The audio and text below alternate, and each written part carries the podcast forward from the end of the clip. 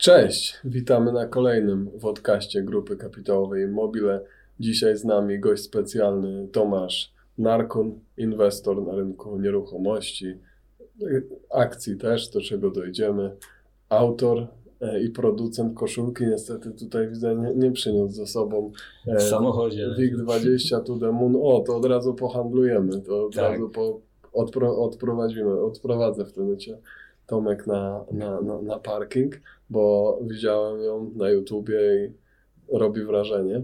Ja dlatego nie ubrałem koszuli, bo myślałem, że będę siedział w tej koszulce, wiesz. Niestety dopadła nas również e, niedobór podaży materiału i czeka Tak? już miesiąc czasu ponad na, na wyprodukowanie. Już nawet materiały. Są w niedoborze. to zamówimy po prostu, nam tu Tak. przyślesz. Nie ma problemu. E, I wiceprezes Grupy Kapitałowej Mobile Sławek Winiecki. Dzień dobry. Także na początku, Tomek, może poprosimy Ciebie, żebyś trochę opowiedział parę słów o sobie.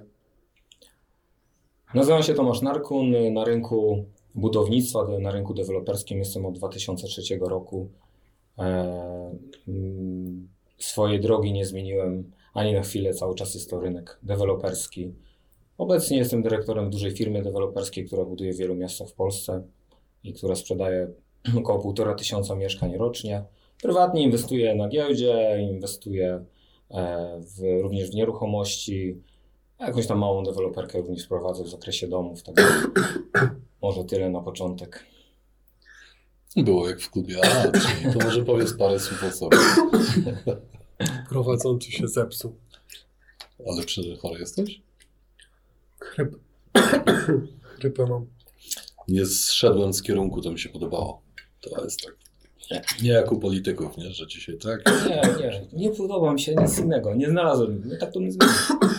No ale co cię najbardziej e, kręci w tym? Kurczę, szedłem kiedyś przez, e, e, w Gorzowie, to było mm, jeszcze na studiach, przez pewną ulicę zaczęło, mm, zaczął budować się budynek wielorodzinny i tak mnie to zainteresowało, że po prostu było tak jak znalezienie jakiejś drogi w życiu, nie? celu, także to w tym kierunku i po prostu i zacząłem się interesować. Zacząłem od sprzedaży, no dzisiaj już mam na, na koncie tam ponad dwa, prawie 3000 mieszkań przeszło przez moje ręce, jeżeli chodzi o sprzedaż. E, Także tutaj e, potrzeby młodych ludzi znam, e, szczególnie i z, z nimi się, z, i to jest moja grupa taka, z którą się identyfikuję i wiem, jakie mają obecnie problemy związane z mieszkaniami i tak dalej. A, a w międzyczasie douczyłem się procesu budowy, mm, projektowania, takich różnych rzeczy, stylistycznych rzeczy także. Świetnie, bo to jest jedyna trwała zmiana świata, na którą mamy wpływ. Tak, Bo te budynki zostaną na kilkaset lat. Dokładnie. Żal mi tych, którzy dzieciom i wnukom będą opowiadali, jakie zmiany wprowadzili do sprawozdania finansowego.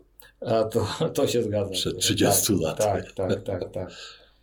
No, by te budynki były coraz ładniejsze, bo jednak te, em, jeszcze ten rynek od 2005 do 2015 to jednak troszeczkę, troszeczkę nie wyglądał za, za Dlaczego? ciekawie. Szczególnie w tych, no, większość było budowane, mm, no powiedzmy, kiczowato, jeżeli chodzi. Ja tak jest moje zdanie. Są, dewel- byli deweloperzy, którzy bardzo ładnie budowali, jednak większość była taka, może nie mówię tu o jakości, ale o, o wizualnej kwestii. No ale w sumie jesteśmy od tego, żeby dostarczyć e, towar. Przecież mieszkańcy nie widzą tych elewacji, o co ci chodzi? Jak Ja ja siedzę w domu, to widzę ściany w domu. Tak, tak. Jednak zostawiamy coś po sobie i dobrze by było jednak do, iść, iść w kierunku bardziej estetycznych budynków. Teraz właśnie przyjeżdżałem się po Bydgoszczy, to widziałem, że już idzie to w dobrym w miarę kierunku. Bo ostatnio też byłem, chyba 10 lat temu, to było trochę inaczej. Ale jednak deweloperzy widzę mają większą świadomość estetyki, coraz większą, bo mimo tego, że jest taki rynek e, deweloperów, to myślę, że konkurują ze sobą jednak pod, jakim, pod jakimś względem takim estetycznym już teraz. Coraz bardziej. Taki trend jest, mi się wydaje. No wiesz, no, być może. No tutaj akurat jest tak, że pewnie to przychodzi deweloperom z czasem. I to pierwsze, Tak. tu już mamy 20 urodziny deweloperów, niektórych 25. I to widać w ich projektach. Oni nie chcą już, powiedzmy, robić e, termosów Tak. obłożonych styropianem, tylko walczą na, na naprawdę niezłych jakościach e, elewacji. No ale z drugiej strony deweloper, który buduje na wyjeździe, czyli tak zwany e, spad jakiś, on ma też tam inne podejście do miasta. Nie? Przecież on nie będzie w tym mieszkał, więc może sobie trochę tego z, z tym styropianem pofolgować i kolorami. To prawda, ale ja mam taką, taką jedną zasadę, że na złe czasy pracujemy w dobrych czasach. Czyli to, jak my będziemy postrzegani właśnie na takich czasach wysokiego popytu. Nie, że nie będziemy budować mm, powiedzmy budynków o słabej jakości, tylko o dobrej właśnie jakości, żeby e, przekonać do siebie to przy spadku popytu, który no, na pewno w jakiś tam, myślę, że za jakiś czas będzie, to wygrają ci, którzy jakby zdobyli na tym całym e, szale popytowym jakieś zaufanie i to, że nie zbudowali, mm, nie zbudowali produktu jakiejś niskiej jakości, żeby tylko sprzedać. Też są deweloperzy, którzy już wprowadzają mm, obsługę posprzedażową, co się rzadko zdarzało generalnie, jeżeli chodzi o poprzednie lata.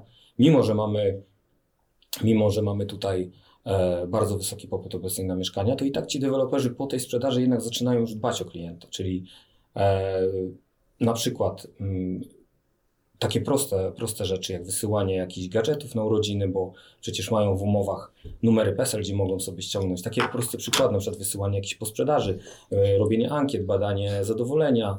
Są też deweloperzy, którzy wprowadzają, mają inżynierów od jakości, e, którzy po roku czasu odzywają się do klientów i też e, na tym budują swoje zaufanie bo jakby usterki budowlane zdarzały się i, będą się nadal zdarzać.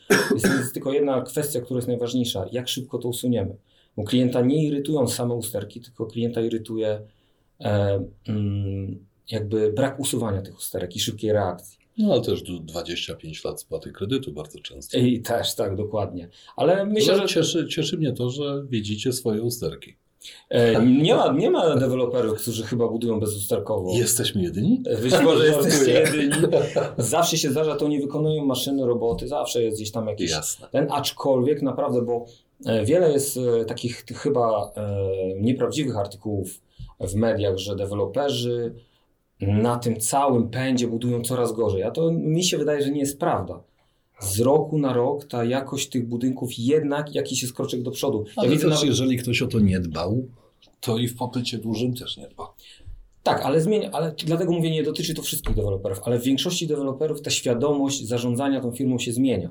I dużo ludzi zaczyna e, właśnie myśleć w ten sposób, że jak dzisiaj na tym, na tym jak to się mówi młodzieżowy hypie na nieruchomości, e, zrobię sobie dobry PR, to jak przyjdą gorsze czasy, to ta garść klientów, która zostanie na rynku, która będzie chciała kupić, to przyjdzie jednak do mnie, a nie do tego, który, e, który e, budował źle i tylko wykorzystał po prostu moment. Tak? Także wydaje mi się, że tutaj jest, jest ten progres, jeżeli chodzi o deweloperkę.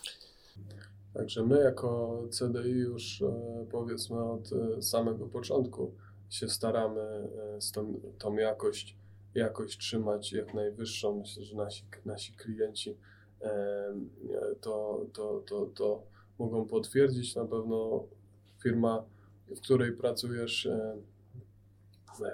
też, e, ale zastanówmy się, jak ten rynek dalej będzie się rozwijał, jakie będą trendy na tym rynku nieruchomości, bo jednym jest to, co trochę zostało poruszone, czyli że trzeba utrzymać tą jakość przez, przez, przez cały czas, żeby po prostu, żeby po prostu klient wracał ale z drugiej strony pewnie taką, to jest też motywacja e, główna do na razie zmian mieszkań, przynajmniej e, duża rzesza naszych klientów zmienia, bo po prostu chce zamienić tą starą tkankę, która nie do końca spełniała e, ich wymagania na nową, bądź, bądź, bądź przeprowadzić się z wielkiej płyty do mieszkania nowoczesnego, spełniającego inne standardy, bo one coraz z roku na rok są coraz wyższe, więc jakbyśmy się trochę zastanowili, jakie będą, jakie będą te trendy dalej. No powiedzmy, jesteśmy rok, rok po pandemii, ale co, znaczy jesteśmy jeszcze powiedzmy w trakcie. W trakcie. E, ale, ale co będzie, co będzie dalej, jak będzie się ten rynek mieszkaniowy zmieniał e, dalej. Sławek, ty możesz. Ja mam odpowiedzieć. No. Takie długie pytanie, że można było stracić wątek, wiesz. Yy, co no, wielka płyta pozostanie, niewiele się zmieni, może zmienią się powierzchnie, może na trwałe skoczy, skoczy szóstka z przodu. Jak rozpoczynałem pracę, to z przodu była trójka w największej grupie kupowanych mieszkań. Potem była czwórka, teraz jest piątka, może skoczy szóstka. Bo osoby, które przepracowały w, w tym trudnym czasie trochę ze swoimi dziećmi w domu, mogą zacząć odczuwać potrzebę zwiększenia powierzchni mieszkania. Co do wielkiej płyty, to w moim e, przekonaniu ona już dawno temu przerosła e, oczekiwania na śmierć swoich konstruktorów. Ona, no, my, my, widzimy w tym jakąś ruską, rosyjską moc sprawczą, a prawda jest taka, że, że wielka płyta jest z Francji. Te, te budynki, które były stawiane jako pierwsze, nadal stoją, więc prawdopodobnie będzie tu stała i wiecznie. Mamy w, w naszym zespole inżynierów, a zatrudniamy ponad setkę e, inżynierów budownictwa. Mamy zdania podzielone mniej więcej e, w ten sposób, jaki prezentuje e, Andrzej Witkowski. Kolega jest może nie tyle miłośnikiem, co potrafi wyjaśnić wielką płytę. No i są ci, którzy oczywiście nie chcą tej wielkiej płyty, natomiast nie ma nic złego w prefabrykacji jako takiej, bo zapewne i wy używacie filigranów, e, używacie pewnie kominów zespolonych jakichś tam i tak dalej, tak dalej. To zespolenie jest mądre. Gdyby nie wielka płyta, połowa Polski mieszkałaby w ziemiankach do dzisiaj. Też tak myślę, e, warto dodać, że w wielkiej płycie według różnych szacunków myślę, że mieszka około 12 milionów ludzi w Polsce. E, więc y, jest to, mm, nie jest to tak łatwo e, powiedzieć, że Wielka Płyta zostanie wyburzona. Wielka Płyta myślę, że nie będzie wyburzona przez najbliższe 20, może 30 lat, a jak tak, to tylko jednostkowo w niektórych e, rejonach miasta może będzie zamieniana na jakieś nowsze albo na parki, albo na, zależy od demografii oczywiście, tak, albo ewentualnie będzie wyburzana jednostkowo. Bardziej bym widział tutaj trend rewitalizacji tych płyt, czyli Mm, zmiany elewacji. E, już teraz po, po, mm, pojawiają się bardzo ładne projekty rewitalizacji i tak na pierwszy rzut oka nikt by nie powiedział, że to jest wielka płyta. I e, myślę, że ten kierunek bardziej będzie tutaj obierany. A to dlaczego? Bo wielka płyta ma wiele zalet. E, największa zaleta wielkiej płyty to jest lokalizacja. Czyli wielka płyta e, zazwyczaj jest w dużych miastach, w najlepszych topowych lokalizacjach. Druga kwestia jest taka, że E, wielka płyta jest, budynki wielkie płyty są super usytuowane względem stron świata, są, są duże odległości między budynkami, jest mało sąsiadów. Na piętrze zazwyczaj jest tylko albo dwóch lewa, prawa, albo jeszcze środkowy. Także to też jest duży atut, gdzie dzisiaj jest budowanie deweloperskie, no raczej klatkowe tak zwane, czyli jedna winda, lewo, prawo i, i mieszkania z tego wychodzą tylko jednostronne. E, także tutaj e, nadal, nadal przy tym deficycie mieszkań, nadal ta wielka płyta będzie miała rację bytu. Problemem wielkiej płyty może nie tyle jest sama, sama konstrukcja, e, co, co zespolenia tych płyt. I tutaj, jeżeli byśmy, jeżeli byśmy się tu przyłożyli w tym temacie, to myślę, że ona jeszcze nam naprawdę na kolejne 50 lat. Już dopóki nikt nie dotknie tapet. tak. Można wierzyć w to. Ja, szkoda, że się nie poznaliśmy wcześniej, bo ja 20 parę lat mieszkałem w Wielkim Płycie od dzieciństwa. Nie widziałem tych plusów. Wiesz, e, lokalizacja. Tam wielka płyta będzie zawsze w dużych miastach gdzieś tam przyciągała jakieś tam powiedzmy. Ale przełomowe będą, oczywiście nie życzyłbym tego nikomu, ale myślę, że przełomowe będą e, mimo wszystko katastrofy budowlane, bo zapakowaliśmy tą wielką płytę w styropian. E, jak ona nie była w styropianie, mieliśmy kłopot z kontrolą połączeń. Nie wiem, czy, czy, czy wiecie, jak e, te połączenia są robione. Coś tam z tym prętem się dzieje pospawanym, coś tam z tym szpieniem się dzieje i tak dalej, i tak dalej, i tak dalej, więc oby nie doszło do tragedii, zanim zaczniemy nad tym e, pracować. Rosjanie mówili o 50 latach. No, zresztą... I już 50 lat. Zresztą w Niemczech, e, w Niemczech wiele osób po prostu się przeprowadzało z tych. I one... No ale wiesz, za słowem po prostu przeprowadzić stoi jakieś 500 tysięcy różnicy. Nie? No, oczywiście. 12 milionów ludzi mieszka. Ale pewnie z tego powodu się przeprowadzali ze względu na to, że po prostu jest inny standard techniczny. Ale Wielka Płyta była, była rozwiązaniem, które było dobre w czasie i w miejscu. My możemy oczywiście oceniać to z perspektywy wolnego rynku, ale w latach 80., kiedy ludzie po prostu nie mogli kupować na wolnym rynku mieszkań. To było rozwiązanie, które pozwalało, nie wiem, Bydgoszczy mniej więcej na tym samym poziomie co teraz w roku 83 mieliśmy e, ilość mieszkań przekazywanych mieszkańcom. Teraz oni płacą, ale dochodziliśmy tutaj do, do 1800 mieszkań w wielkiej płycie. Także to jest ten plus, że uruchomiliśmy tą spiralę. Co do wyburzeń, zmian i tak dalej. I tego wszystkiego, o czym rozmawiamy. No, doszło do defragmentacji własności. Kiedyś to były albo firmy, przedsiębiorstwa państwowe i tak dalej, i tak dalej. Teraz doszło do defragmentacji własności, czyli mamy własność lokalową. Jest sobie blok, który ma 100 mieszkań, to jest 100 odrębnych własności lokalowych. To prowadzi do tego, że to, co można zrobić z tą wielką płytą, jest już co, bardzo, bardzo skomplikowane. Zamiast tokenizować, to takie fajne, nowoczesne słowo, my po prostu podzieliliśmy to na własności. I teraz, żeby kupić budynek, wyburzyć go i w jego miejscu coś postawić, musimy zjednoczyć sobie 100 właścicieli. Uważam, że to był duży błąd, e, jeśli chodzi o działanie z wielką płytą. No dlatego bliżej chyba tutaj rewitalizacji tej płyty niż, niż wyburzeń. Myślę, że zastanawiam, jak to mówię, zastanawiam się, jak e, to można zrewitalizować, bo to jest taki układ statyczny, który jest e, mało atrakcyjny.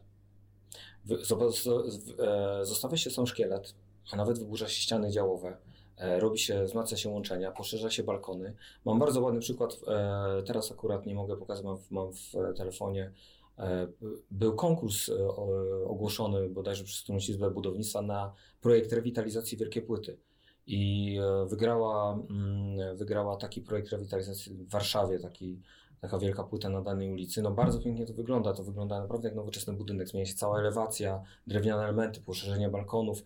Zostawia się No, samo dostawić składowe- coś do tego, to sobie wyobrażam, bo tam w zasadzie układem konstrukcyjnym są wszystkie elementy, więc pozbywanie się, to widać jak gaz nieraz wybucha. Tak. Że tam po prostu wyrzuca jedną ścianę jak, e, jak z procy.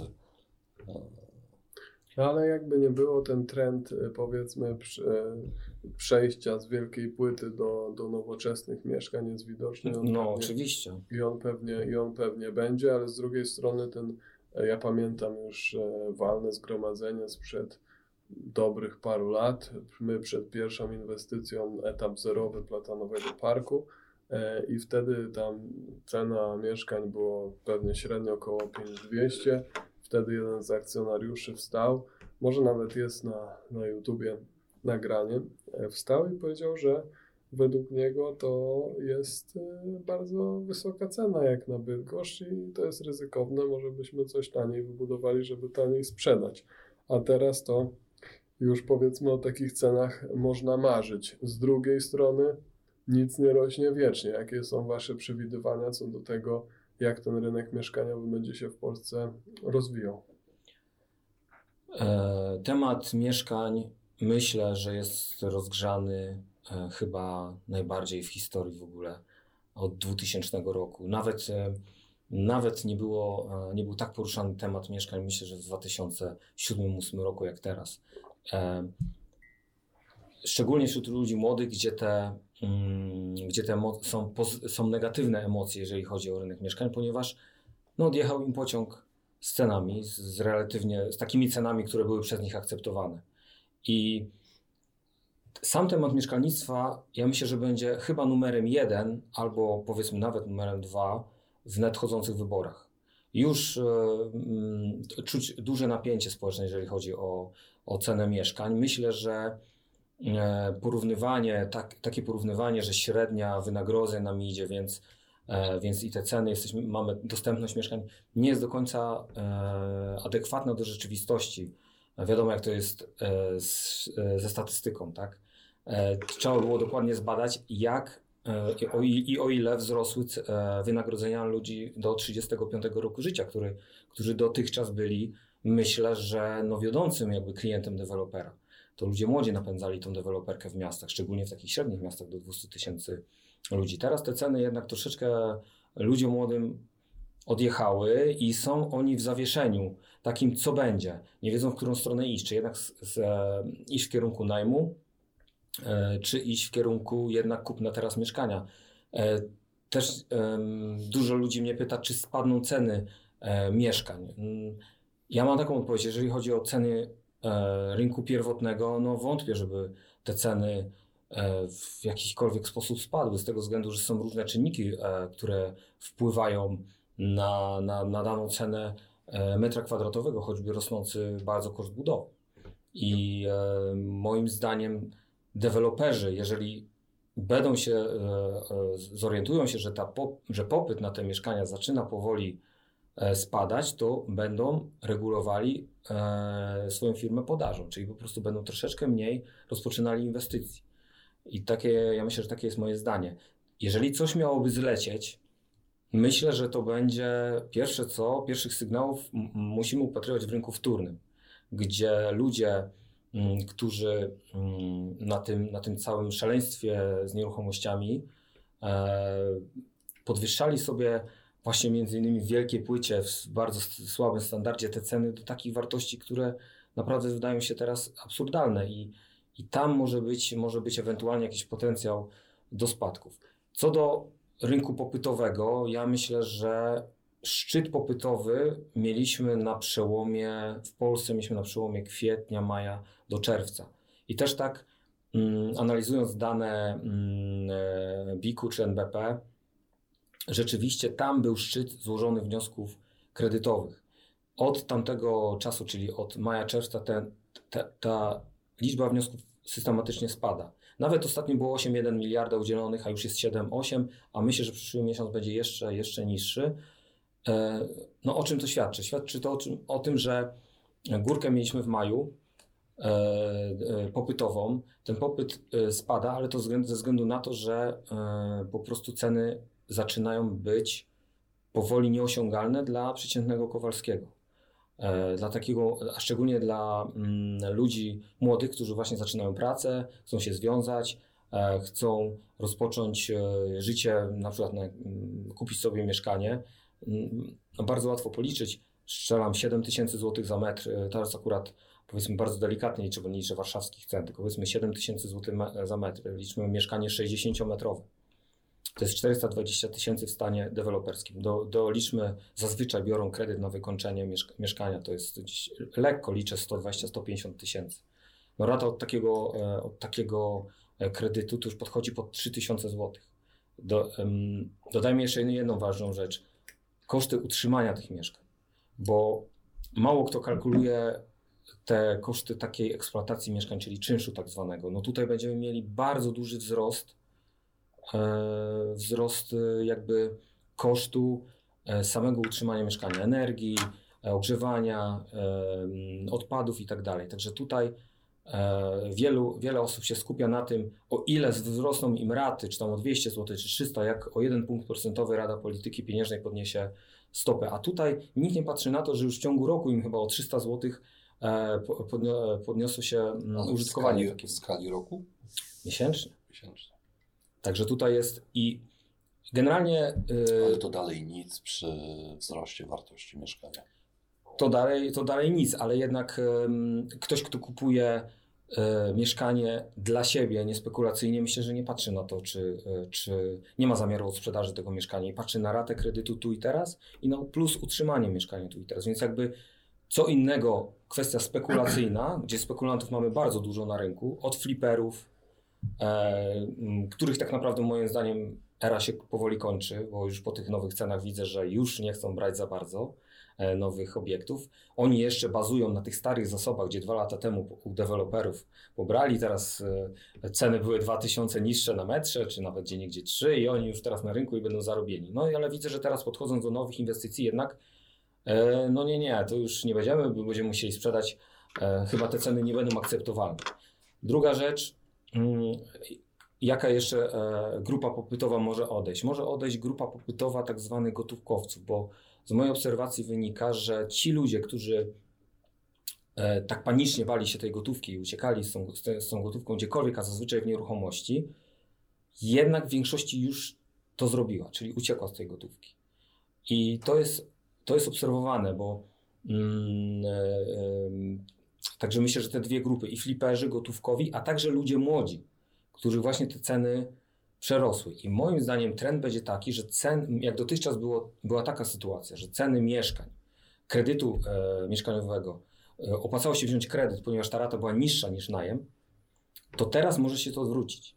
E, dałem na przykładzie na przykład e, ten mieszkanie 60-metrowe, no to rata pod 3000 plus, plus czynsz, no to można wynająć myślę, że za 2000 plus czynsz. e, No, ale wystarczy przejrzeć historię i zobaczyć, jak rosła cena mieszkań przez ostatnie 10 lat, żeby czuć bezpieczeństwo w tej decyzji, bo może być tak, jak mówisz, a może być dokładnie odwrotnie. Może być odwrotnie, oczywiście, y, z tym, że ja tak daję taką perspektywę bardziej trzyletnią, bo nikt nie wie, co będzie za 10 lat. Myślę, że nawet w 3 lata te ceny mogą spaść. U deweloperów Dlatego, myślę, że będziecie... Dlatego, że my tak naprawdę mm, teraz y, tych kryzysów w mieszkaniówce pamiętam kilka. 99 rok, czyli koniec dużej ulgi, czyli ci, którzy kupowali, mieli ulgę i tak dalej, i tak dalej. Potem był po prostu y, flauta, mówią żeglarze. Flauta, mówią żeglarze.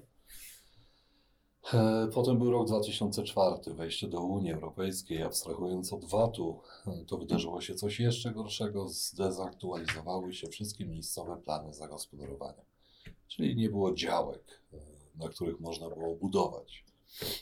Zanim ogarnęły się urzędy i tak dalej, i tak dalej, i tak dalej, mieliśmy rok 2008, on nas tak mocno nie dotknął, bo mieliśmy swoje euro. E, Więc sobie do 2012 żyliśmy. E, Może być tak, jak mówisz, a może być dokładnie odwrotnie. Jeżeli Chiny i to, co się dzieje z Evergrande, dotrze do nas, to to dotrze.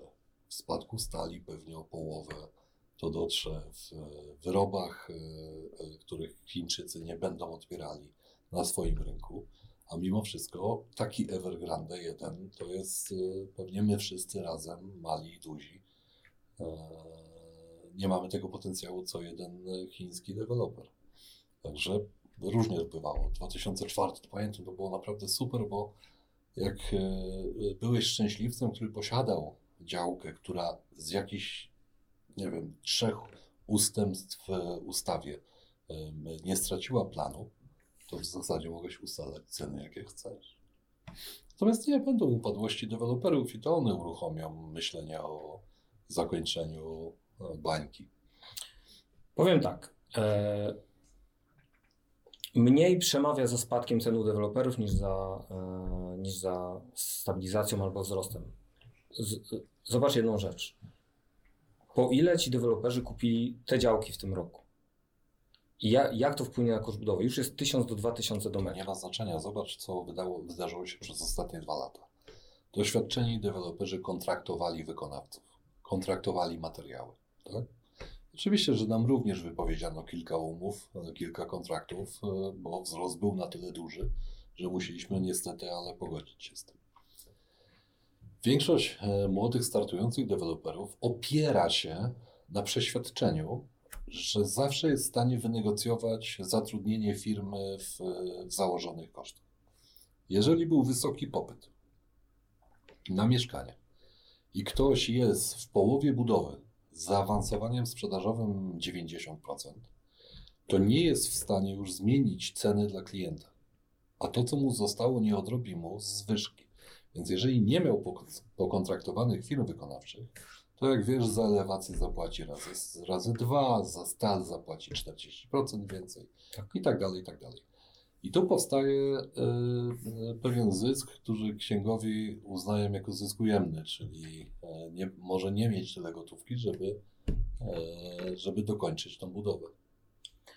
Masz rację, ale to będzie bardziej dotyczyło chyba, myślę, że mniejszych miast i takich małych deweloperów, którzy em, rolowali pieniądze, czyli z tych wpłat, które z fikcyjnych nawet umów niekiedy deweloperskich, e, żeby przedstawić do banku do wypłaty transzy, tak? Oni rozpoczynali kolejną budowę, a jeszcze tej nie, nie zakończyli nie spieli. Jednak ci duży deweloperzy, tacy mm, naprawdę duzi, duzi gracze, to mają trochę tej gotówki i myślę, że oni będą, oni mają tutaj spokojną głowę i pod tym kątem ja, ja widzę to tak. Oni patrzą, co się dzieje. Już widzą, będą, myślę, że będą, teraz rozpoczęli dużo budów. 2023-2024 będzie duży wysyp takich e, inwestycji zrealizowanych e, na rynek, z czego już praktycznie e, wiele jest, e, wiele jest e, sprzedanych, zakontraktowanych tutaj umowami.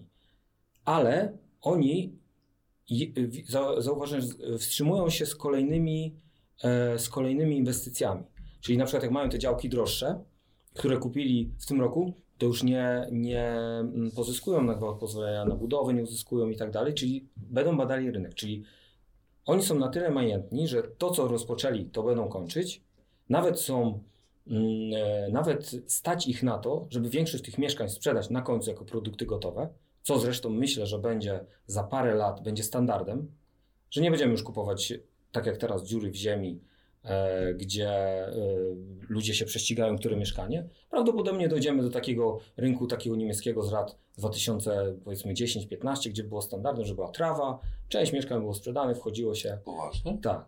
I były gotowe mieszkania, bo były one drogie i Raczej, tylko... raczej zawsze poczytywałem to jako trend odwrotny, bo to Ukraina jest tym miejscem, gdzie kupujesz za gotówkę, no ale dziurę w ziemi. Ja e, myślę, że To jest tak Procent- finansowo. procent. Wypięcie, y, wypięcie banku finansującego sporo zakłóca w takim zwykłym obiegu gospodarczym. Dokładnie. Ja sądzę, że procentowo kupowanie dziury w ziemi będzie spadało przez. y, y, Znaczy, jakby to powiedzieć, liczba osób, które teraz kupują dziurę w ziemi, będzie z roku na rok będzie spadała. Tak myślę, bo jednak ten produkt, taki y, rynek warszawski, no to jak ja rozmawiam z prezesami różnych firm deweloperskich, oni naprawdę są w stanie wybudować ten budynek, niech on stoi, niech sobie sprzedaż spokojnie idzie. No to jest takie marzenie dewelopera. Tak. Gdybym mógł, miał mieszkania, które zbudowałem na pierwszej swojej inwestycji i je dopiero teraz sprzedał. Z tym, że oni są napchani gotówką. Nie ma co mówić, ci duży gracze. Naprawdę. E, To są, to są już, już naprawdę bogate firmy, nie aż tak zalewarowane, mają dużo gotówki i mogą sobie pozwolić na, e, na takie e, rzeczy, że budynki będą sprzedawane w końcowym etapie budowy. Myślę, że do tego to będzie prowadziło. Nie będzie już takiego szaleńczego pędu ze względu na ceny chociaż. To, no, nie podzielam Twojego poglądu. Raz, że Mikołaj mi kazał, żebyśmy się różnili, a dwa, nie podzielam dlatego, że tracisz wykonawców, którzy robią to i klienci pojawiają się w ostatniej fazie, bo są bardzo wysokie koszty powrotu. Jeżeli zrobiliśmy to w stanie deweloperskim, tak, to mimo wszystko jest jakaś pula zmian gwarancyjnych, tak, czyli takich, które mogą naruszyć gwarancję. Oczywiście. Druga rzecz. Mm. Przecież inwestycje robione za gotówkę własną spółki są najmniej efektywne. Ile chcesz zarabiać na swoich prywatnych pieniądzach? Bo na bank, który chce zarobić tam 3%, wszyscy mówią, że to lichwiarz, a ty ile chcesz na swoich prywatnych zarobić, powiedz. Więcej niż e, bank. No pewno. Więc jakby robienie z gotówki pogarsza tą efektywność. e, trend jest ten sam. No, deweloper oczywiście budujący za gotówkę dla mnie jest jednym z uczestników. E, Albo jego klienci to robią, albo robi to na spółkę z klientami. E, Dwa, e, no trzeba zawrzeć mimo wszystko już umowy finalne na dostawę mediów e, i partycypować w koszcie słabo funkcjonującego obiektu. W momencie, kiedy wszyscy razem ruszają, klienci na wykończenie, no pe- pewnie robimy to podobnie. My jesteśmy przy Was maluszkiem, natomiast na pewno robimy to podobnie, czyli zabezpieczamy windy na czas wykańczania, zabezpieczamy klatki. Bo rytmika tego zdarzenia, budowa jest taka, że jest pozwolenie na użytkowanie i to jest w zasadzie e, machnięcie flagą do wykończeń. Wtedy większość e, robi to w tym samym czasie. Utrzymujemy jeszcze infrastrukturę, utrzymujemy pojemniki, e, mamy zabezpieczone windy i oni wykańczają te mieszkania. W momencie, kiedy pojawia się sprzedaż finalnego mieszkania, kilku deweloperów próbowało już to robić w historii developingu polskiego, wtedy nie ma rytmiki. Czyli ty już nie masz infrastruktury, czekasz na lepszy moment, masz wysoką cenę i zaczynają pojawiać się e, klienci. Jeden to kupuje, y, płynie czas. Najlepiej, najlepiej czas regulują finalni odbiorcy, czyli ci, którzy tam zamieszkają. Zazwyczaj oni już muszą, mają wyznaczone daty i tak dalej, i tak dalej, i tak dalej. W Poznaniu budowaliśmy gigantyczny apartamentowiec, którego problemem byli niezmotywowani do wykańczania przyszli mieszkańcy. Oni wszyscy mieli świetne domy, świetne mieszkania, e, mieli chęć mieszkania w tym miejscu, natomiast nikomu się nie spieszyło. Więc mieszkali przez 4 lata w rytmie e, wiertarek, szlifiarek i różnych innych rzeczy. Także to jest takie zagadnienie, które może potem mm, chcieć być zdyskontowane przez cenę. Tak, ja nie, nie, nie mówię, tej wizji nie tworzę w perspektywie lat dwóch czy trzech. Ja tak bardziej już patrzę dalekosiężnie, na 2030, powiedzmy rok 10 lat do przodu, gdzie jednak e, przy tym tempie, powiedzmy tak, różne są szacunki. Takie najbardziej wiarygodne to, że brakuje około półtora miliona mieszkań. Tak powiedzmy, żeby do takiej średniej krajowej się, średniej unijnej się do, dopasować. E, To ile nam brakuje? 8 lat takiego budowania pe, pełnodeweloperskiego? w- Nie, chyba miliona nie robimy. Nie, robimy, robimy 100, 100, Nie, 100, robimy 170 tysięcy rocznie Tak? tak? do, do użytkowania. w tym roku, ale Tak, jest ale to mówię, jeżeli byśmy utrzymali tempo, ale pamiętajmy, że są inne rzeczy jeszcze. Nie wiadomo jak się, bo generalnie jak będzie się zachowała demografia, tak, w Polsce, jak to będzie, czy No, będą to- migracje. To, to już wiemy, bo to za naszego życia się tam dużo już nie wydarzy. Teraz będziemy tylko albo beneficjentami pozytywnymi, albo negatywnymi, ale, e, ale substancja się starzeje. To prawda. y, Tak? I u nas się będzie starzała skokowo, tak jak skokowo to budownictwo się rozwijało, tak ono się będzie starzała skokowo. Mhm. Odpukuje w niemalowane, gdyby ktoś nie zauważył. E, Jedna wielka płyta, która się położy, zaskutkuje tym, że zrobi się nam e, 8 milionów za mało mieszkań. Może być. Może być z tym, że mm, teraz e, ja myślę, że jeżeli miałyby ceny, tak jak wrac- wracamy do spadku ewentualnych tych cen u deweloperów, ja myślę, że to jeżeli miałyby te ceny spaść, to już ewentualnie naprawdę w małych i średnich miastach. Bo duże miasta jednak tam jest napływ e, ludzi, Ale napływ nie kapitału. Chiny prawidłowo Mhm. doprowadzą do spadku materiałów bardzo Cena, dużego. tak, oczywiście. Także to się cofnie. Jeżeli Tak, chodzi ten- o działki, to jej udział, udział działki w budynku, nie wiem jak wy, ale my szacujemy na około 20%. No i dobrze, jeżeli działki były powiedzmy 300-400 zł za metr, czy 500 kiedyś, tak? Czy, No e, raczej do metra pół mógł w okolicach tysiąca, wszyscy pracujemy w całej Polsce. Tak, i teraz e, jeżeli taką działkę ktoś kupował za tysiąca. 500 zł za metr, a w tym roku deweloperzy, tak jak w Poznaniu, kupują po 3000 zł. Jest tylko Za 20% na dole.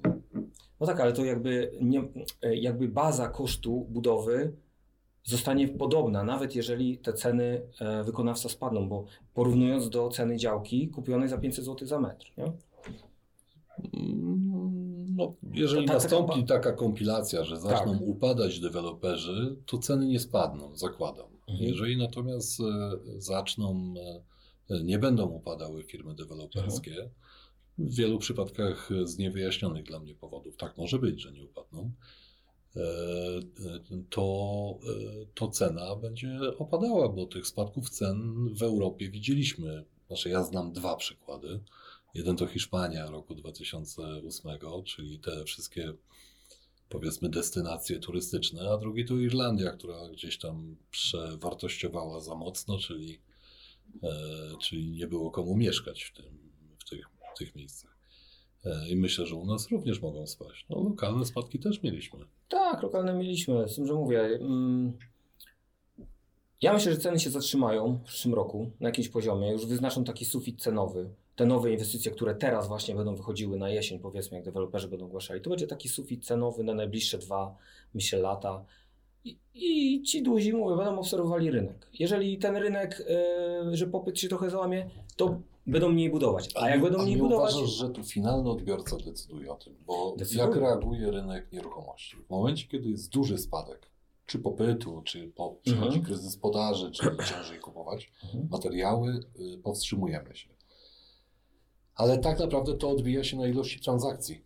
Tak. Czyli notariusze idą na pusto. Cały rok mogą Tak. spokojnie nic nie robić, dlatego że nie ma transakcji. Dlaczego? Dlatego, że jeżeli, yy, yy, że jeżeli to mieszkanie, które kupiłeś, yy, nie, nie prowadząc biznesu deweloperskiego i nie żyjąc z tych nieruchomości, to jest lokata.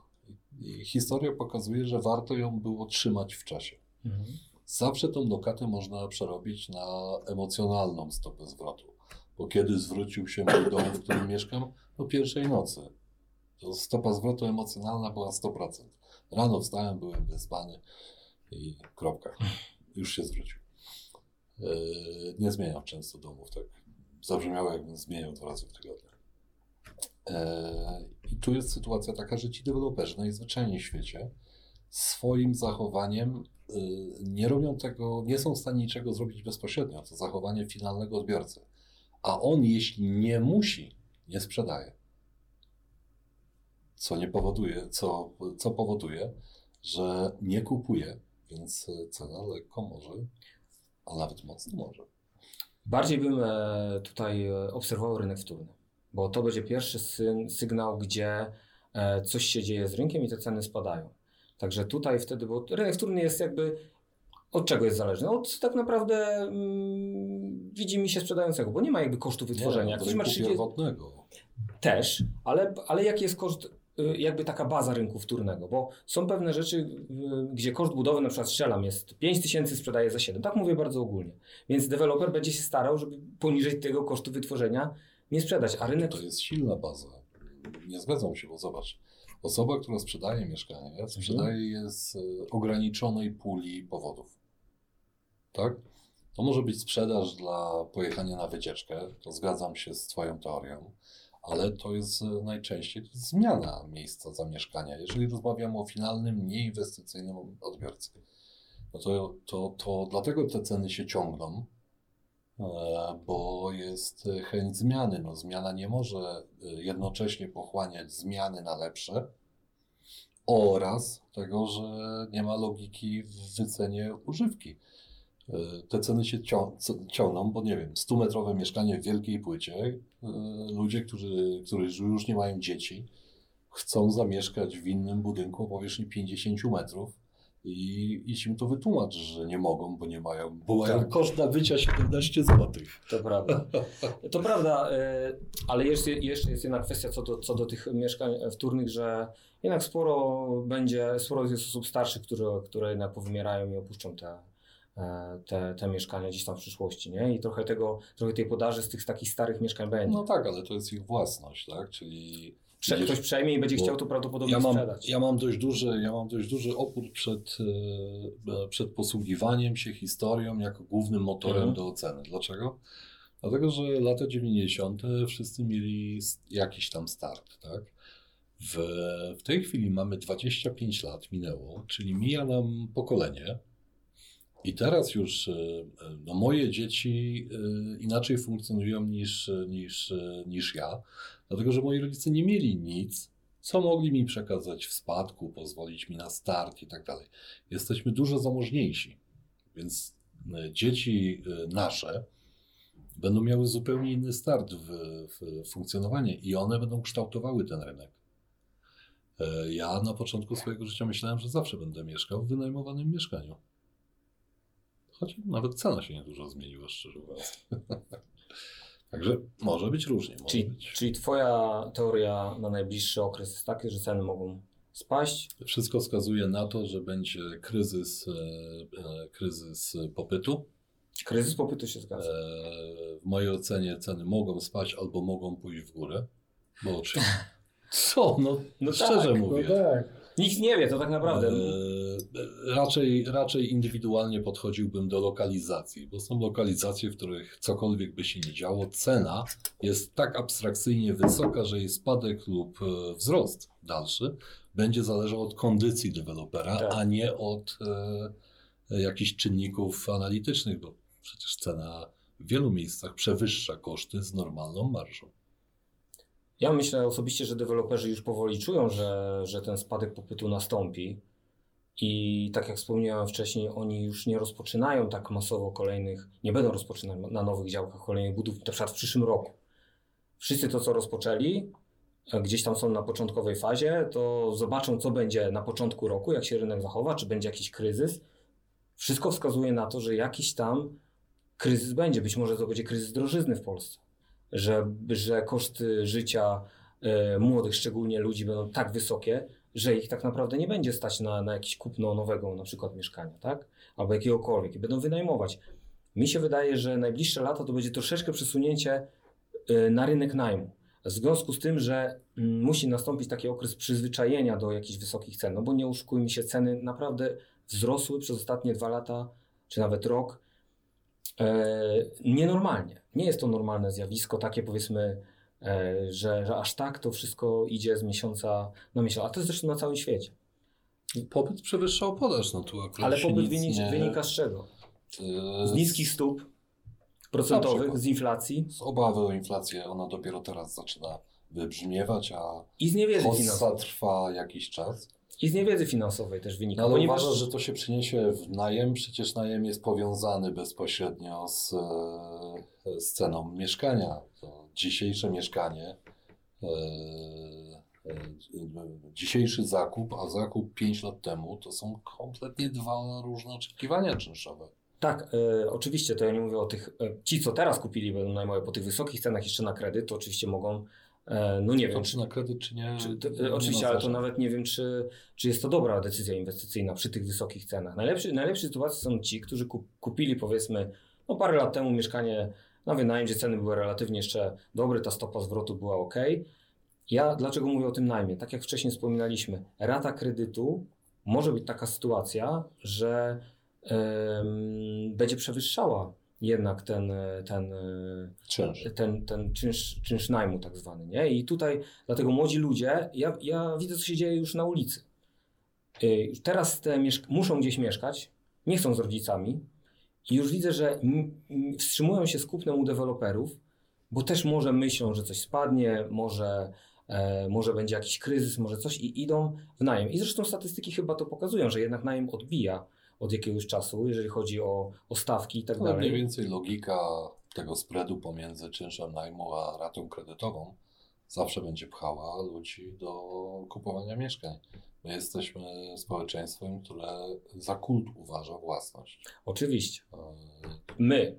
A pytanie, jak y, będą uważać e, Nasze dzieci? 18-latkowie, No właśnie, ale 16-latkowie, tutaj przechodzą... Spoimy im to, jeżeli nie będzie gdzie, jakie oni mają mentalność, bo tu, my, tu my jest słabo rynku. migrujemy pomiędzy miastami, słabo migrujemy i tak dalej, i tak dalej, to myślę, że jeżeli to są nasze dzieci, to dlaczego nie, e, nie, e, nie wpoić im naszych zasad?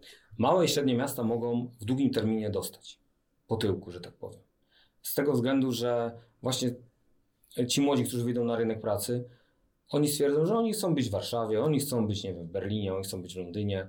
Oni myślę, że bardziej są troszeczkę tacy już e, otwarci na, na świat. Choćby przez internet, przez te wszystkie inne wpajane e, wartości, e, powiedzmy, z sieci, tak? I myślę, że No, na razie z wielkim powodzeniem zastępują ich imigranci. To z właśnie- wielkim powodzeniem. Oczywiście. Oni mają obniżone. Pytanie, jak będzie migracja wyglądała? Czy rzeczywiście ta Polska będzie celem e, migracji tych na przykład zarobkowej, czy nie inne kraje? Nie? Tego nikt nie wie. No nie wiem, wie- ale wróćmy na chwilę do tej No, koszulki. przekaz jest jak- taki, że cena może być e, do góry, a może być na dół. Jest bardzo niestabilnie i prognozowanie dziś jest bardzo, bardzo trudne. Jak zawsze w budownictwie, bo to wielka masa, która przetacza się z lewej na prawą. Jedyne co widać to chyba spadek troszeczkę popytu. Bo już na tych nowych inwestycjach, takich, które są, szczególnie wśród e, ludzi, e, bo ja zrobiłem takie badanie, przeanalizowałem 800 bodajże umów sprzedaży z 2000, to był 19 chyba rok, nie pamiętam, wziąłem sobie segregator i sobie spisywałem PESEL.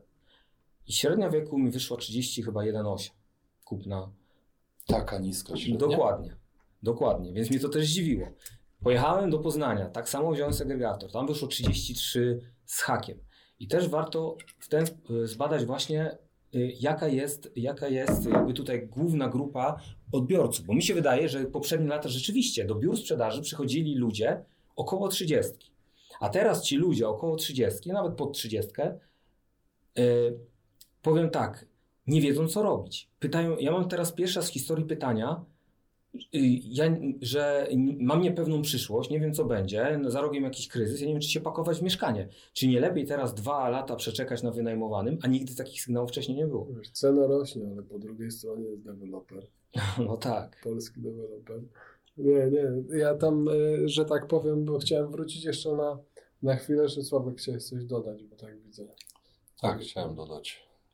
A poza tym tylko 13% dorosłych Polaków u nas ma kredyt. Co też jest jakiś, powiedzmy u nas no, najmniej pra, praktycznie w Europie. Nie? 13 Kredyt e, hipoteczny. hipoteczny. Dorosłych Polaków. To jest bardzo mało. Po innych rozwijamy się proporcjonalnie do Europy. Tak, dokładnie. Nie, już nie chciałem nic dodać. Dobrze. Znaczy, y, y, zdanie finalne, nie chcę rozpoczynać. Chciałem dodać, że rynek nieruchomości, mimo że jest tak nudny, jest nudny. No co to jest nudny? To jest bardzo e, jednocześnie tak ekscytujący, że wystarczy, zobaczcie, mały test. Wrzućcie jakiegoś posta gdzieś o nieruchomościach. Od razu macie lawinę komentarzy. Yy, Jest, yy, jest bardzo wiele emocji teraz skumulowanych w ogóle na świecie, wśród, jeżeli chodzi o, nieruchomości. Są protesty odnośnie tego, że rząd nic nie robi, jeżeli chodzi o uregulowanie rynku. Tutaj zachęcamy do przejrzenia Twittera Tom, Tomka. Tam Dziękuję. jest dużo takich e, właśnie podlinkowanych e, artykułów. Co robi Holandia? Holandia od przyszłego roku chce zakazać w ogóle kupna mieszkań na inwestycje w wybranych obszarach danych miast, a być może w całych miastach. Em, Ale to chyba powody są inne. Mimo protesty wszystko. młodych ludzi i zbliżające się wybory. Oczywiście, ale mówię o merytoryce tych protestów, bo to jest problem, który dotyka, e, nie wiem, Berlin, e, Barcelonę, dotyka od wielu, wielu lat, czyli mieszkańcy Barcelony mieszkają 30 minut drogi od Barcelony, bo to jest problem krótkoterminowego najmu tych mieszkań. E, Nigdy mieszkaniec, czy młody, czy starszy, nie będzie w stanie tyle dać, za, zapłacić, co turysta. Więc, e, więc rozwój sprzedaży krótkoterminowego najmu, no, no ile za mieszkanie 50 metrów, e, czynsz, który dostaniemy, to jest 2000 powiedzmy, tak? E, Przy cenie 400-500 jesteśmy w stanie w 4 noce w krótkim terminie zrobić dokładnie to samo. Co skutkuje tym, że chcemy więcej, więcej, więcej. A ten mieszkaniec oddala się. W przypadku Barcelony to wystarczy spojrzeć na przyrost ilości mieszkańców e, w oddalonej o 30 km Gironie. Bo tam mieszkają dzisiaj Barcelończycy, którzy nawet swoje mieszkania wynajmują turystom. No dobra, ale już nowych wątków miało nie być. E, Przepraszam. napiszcie w komentarzach, jakby Was interesowały jakieś konkretne aspekty tego rynku nieruchomości w Polsce czy tam na świecie. E, Sławek, chciałeś jakieś zdanie finalne w tym wątku? Nie? Okej. To, no, znaczy, no bo to, co Tomek zauważył, że się wrzuci jedną rzecz w internet o nieruchomościach i powiedzmy dyskusja jest bardzo duża, to mi się przypomniało, jak kiedyś Warrena Buffetta zapytali na jednym z walnych zgromadzeń, dlaczego nie inwestuje w nieruchomości. E, I on powiedział, że po prostu on uważa rynek nieruchomości za bardzo profesjonalny, gdzie jest bardzo dużo pośredników, bardzo dużo biur nieruchomości, bardzo dużo osób indywidualnych się po prostu na tym zna i bardzo mocno analizuje każdą nieruchomość i po prostu ciężko jest znaleźć okazję, a jak już jest jakaś super okazja, to można domniemać, że coś jest z tą nieruchomością nie tak i dlatego... Nie należy do sprzedającego. Tak. I dlatego on powiedział, że on po prostu woli akcje. Uważa, że nieruchomości są dobre, ale są wyceniane bardzo, powiedzmy, rzetelnie i on woli akcje, gdzie mu jest dużo łatwiej W długim terminie tak to działa. znaleźć okazję. To, co chciałem teraz powiedzieć w międzyczasie, deweloper, który jest doświadczony, ma 20-30 tysięcy mieszkań zrobionych, albo 2-3 tysiące w mniejszym mieście, on zawsze, bez względu na to, jakie jest otoczenie rynkowe, porusza się w tym samym tempie. Czyli buduje określoną ilość. Nie da się po prostu przeskoczyć e, wszystkich. I żeby robić to z jakąś jakością, no to nie jest tak, że de- dzisiaj deweloperzy to są małe firmy. Pracuje w nich bardzo mało osób. E, W momencie, kiedy zaczyna się kolejna, kolejna, kolejna i ktoś podwaja co roku, to albo podwaja ten zespół i tą bazę wykonawców, albo mam problem. ma problem. E, I, I tutaj do pytania, bo jak właśnie zrobić, bo tutaj jednak Twoja koszulka może się do tego też przyczyni, ale jak, e, jak zachęcić trochę Polaków, jak zachęcić e, młodzież, żeby się tym rynkiem, żeby się tym rynkiem akcji zainteresowała, żeby też były prowadzone merytoryczne e, dyskusje i żeby za parę lat każdy Polak się znał na rynku akcji. Jeszcze dodam jedno zdanie do poprzedniej, e, do poprzedniej dyskusji, dosłownie jedno, że, że idzie, idzie jednak e, moim skromnym zdaniem era domów i, i, i duże mieszkania z rynku deweloperskiego będą, będą troszeczkę gorzej się sprzedawać na rzecz, na rzecz domów. Jak ktoś kalkuluje cenę metra kwadratowego z 80-90 metrowego mieszkania, to już tak naprawdę wchodzi w dom i, i tutaj widzę bardzo duży potencjał rozwoju tego, e, tego jakby tej, tej, e, tej, mm, tego, mm, tej odnogi deweloperskiej, e, czyli rynek domów. I tutaj już mam zapytania od wielu, i to dużych deweloperów, czy są jakieś duże połacie na przykład pod domy. Oni już się, oni już myślą, oni się zabezpieczają gdzieś tam na za 5-7 lat. Oni też analizują rynek, mają swoich, mają swoich doradców i myślę, że najbliższe lata to będzie masowa budowa domów e, przez, przez Polaków. I to myślę, że to będzie taki trend, myślę, że co najmniej 10 lat i będzie. Dlatego też wspominałem o tych mieszkaniach gotowych, e, w, szczególnie dużych, jeżeli chodzi o, o deweloperkę. Będzie albo nie będzie. Będzie albo nie będzie. Ale wszystko Dlatego, wskazuje na to Będzie albo nie będzie. kupno gruntów i. Oddalamy się od centrów miast. Ale to... I ile możesz. to żeby... Nie no, jest wiele aspektów, które powinniśmy przeanalizować, bo może być tak, jak mówisz, a może tak nie może być. nie musi. No, no jesteśmy doświadczeni, to wiemy, że tak to po prostu działa. Poza tym uogólnianie wszystkiego do słowa deweloper, dom czy y, mieszkanie, to my wiemy, że są lokalizacje, że są zachowania, że gdzieś nie mamy lewoskrętu, więc y, będzie gorzej, że gdzieś mamy świetny lewoskręt, ale znowu mamy zacienienie i tak dalej, i tak dalej, i tak dalej. Ja osobiście uważam, że ludzie, mm, którzy dziś kupują mieszkania powyżej 100 metrów albo 100 metrowe, to są ich docelowi y, mieszkańcy tych mieszkań. Tak, pytanie, ile mają lat? Bo taki trend. E, tak, 30. e, To nie. mnie przeraża, wiesz? Powiem tak. Powiem tak.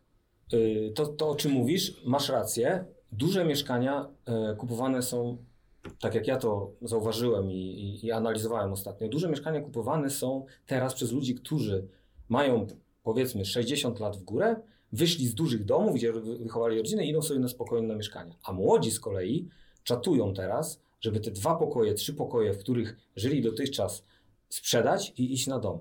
I takiej, tak, e, i to będzie bardzo duża grupa, właśnie taka, która wyjdzie, y, szuka domów. No myślę, że zauważyłeś, nie wiem, zapytania chociażby, bardzo dużo zapytań jest o domy. Trzeba o akurat to- dość jasną politykę mamy.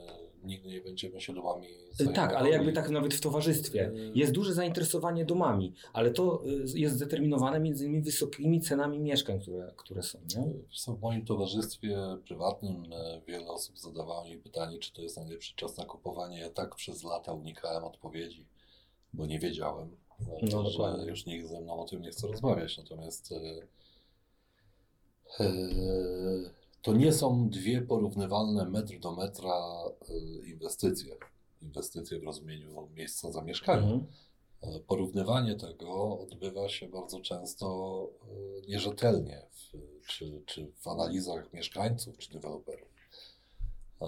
Ktoś, kto zawsze mieszkał w domu, myśli inaczej niż ktoś, kto nigdy w nim nie mieszkał. I wcale nie musi być tak, że ten, który mieszkał w domu, wychował się do domu e, prze.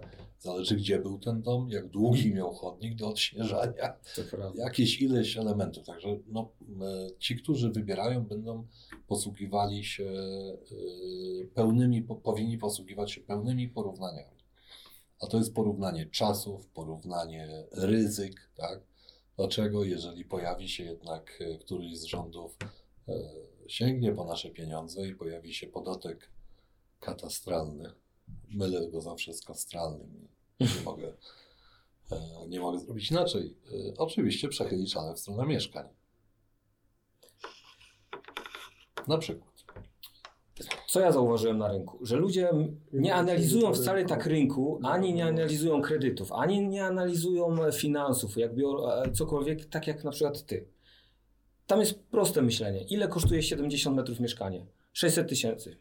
Piernicze wolę dom. I takie jest myślenie większości. Jak idzie się po kredyt, to je- jest tylko jedno pytanie, nie mówię, że dla wszystkich, ale dla większości klientów. Jaka jest dzisiaj rata? Nic więcej tych klientów No jasne, de facto jasne. nie interesuje. W ogóle tego nie neguję. I ale nawet banki mówi- Ale jest immamentną cechą profesjonalizowania się rynku dewelopera jest profesjonalizowanie się rynku jego klienta. I nawet jeżeli takie podejście jest dzisiaj, tak? czyli podejście e, krawę, e, by- bycia na krawędzi ze sprawnością, tak? Jaka jest rata? Dobra. E, e, Ile mam luzu? Dwie stówy. Z dochodów i tak dalej, z coringu. Dwie stówy, dobra, w porządku, wchodzę. To jest duży luz. To wymiana pokoleniowa, to, że teraz już to pokolenie dwudziestolatków, które wchodzi na rynek, ich rodzice będą mieli im bardzo dużo do zaoferowania, wielu z nich. Z nich. Między innymi to mieszkanie w Wielkiej Płycie po babci e, sprzedane, bla, bla, bla, bla, ileś tam takich sytuacji. To będzie powodowało ich profesjonalizację. Najzwyczajniej w świecie profesjonalizację.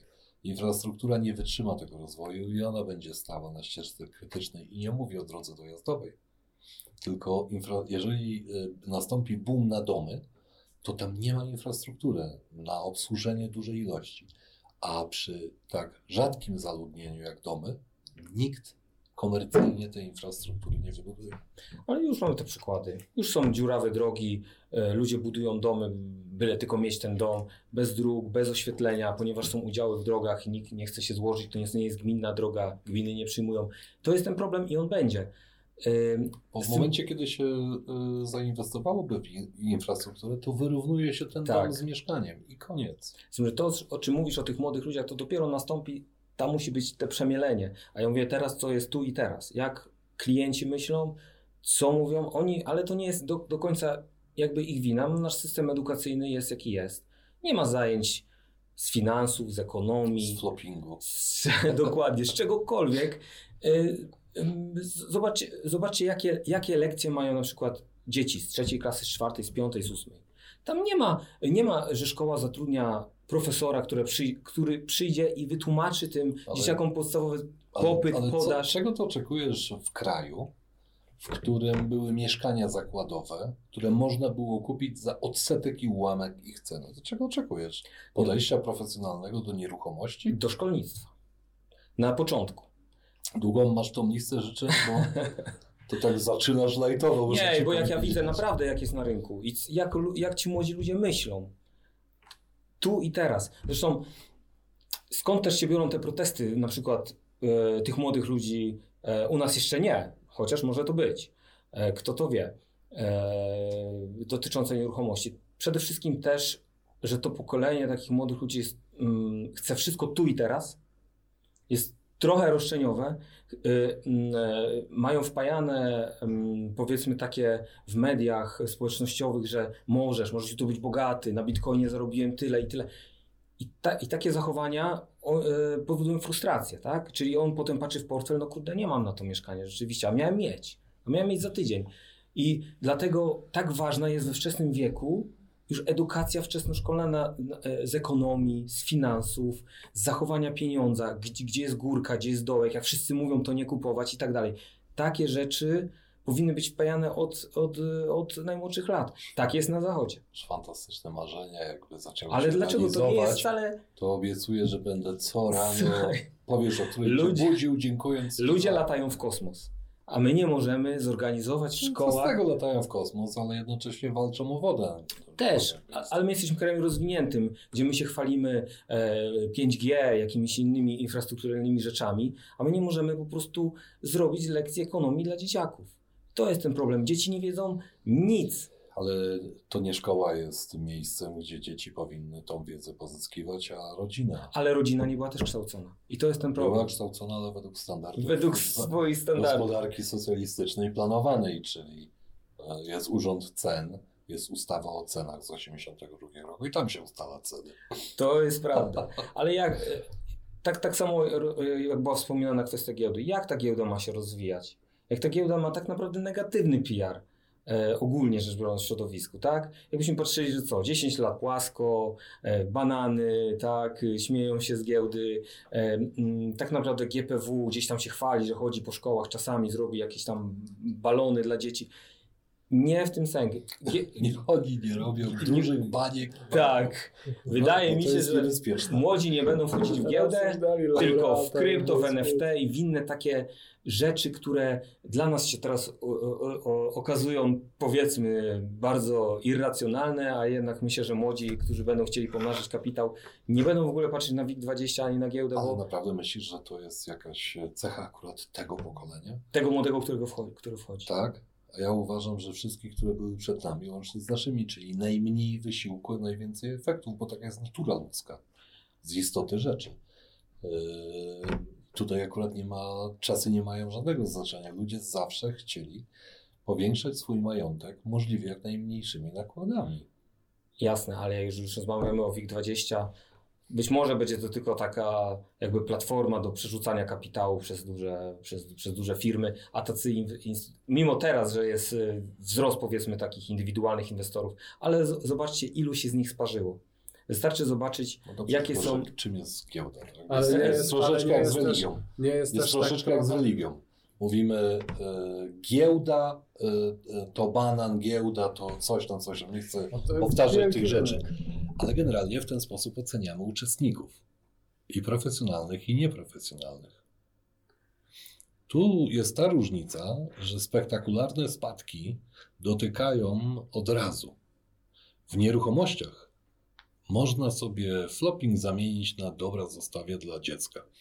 I wtedy jest się No poważnym bo tutaj jest trochę tak, jak mówić o giełdzie banan, czy tam jak to tam Bananowa mówili, giełda. Się kasyno, nawet osoby, kasyno, nawet osoby bardzo Tak. wykształcone e, mówiły, a to jest trochę tak, jakby wziąć sobie jakiegoś patent dewelopera w Polsce i wyciągnąć wniosek, że wszyscy deweloperzy Budują mieszkania są. 18 metrów kwadratowych. bananowi są. I Tak, masz rację, ale ogólnie nie ma kultury w Polsce, jako takiej kultury inwestowania w jakieś inne e, aktywa niż na przykład nieruchomości. Bo Bo przeciętny Kowalski, kawalerka, proszę się spytać na ulicy. Ale Tak, zobacz. Ktoś zainwestuje zobacz, w To prawda. Ale To zobacz, prawda. że, zobacz, że y, nikt nie ma w interesie tej inwestycji. Y, bank woli, żebyś pozostał z nim, a nie inwestował bezpośrednio w,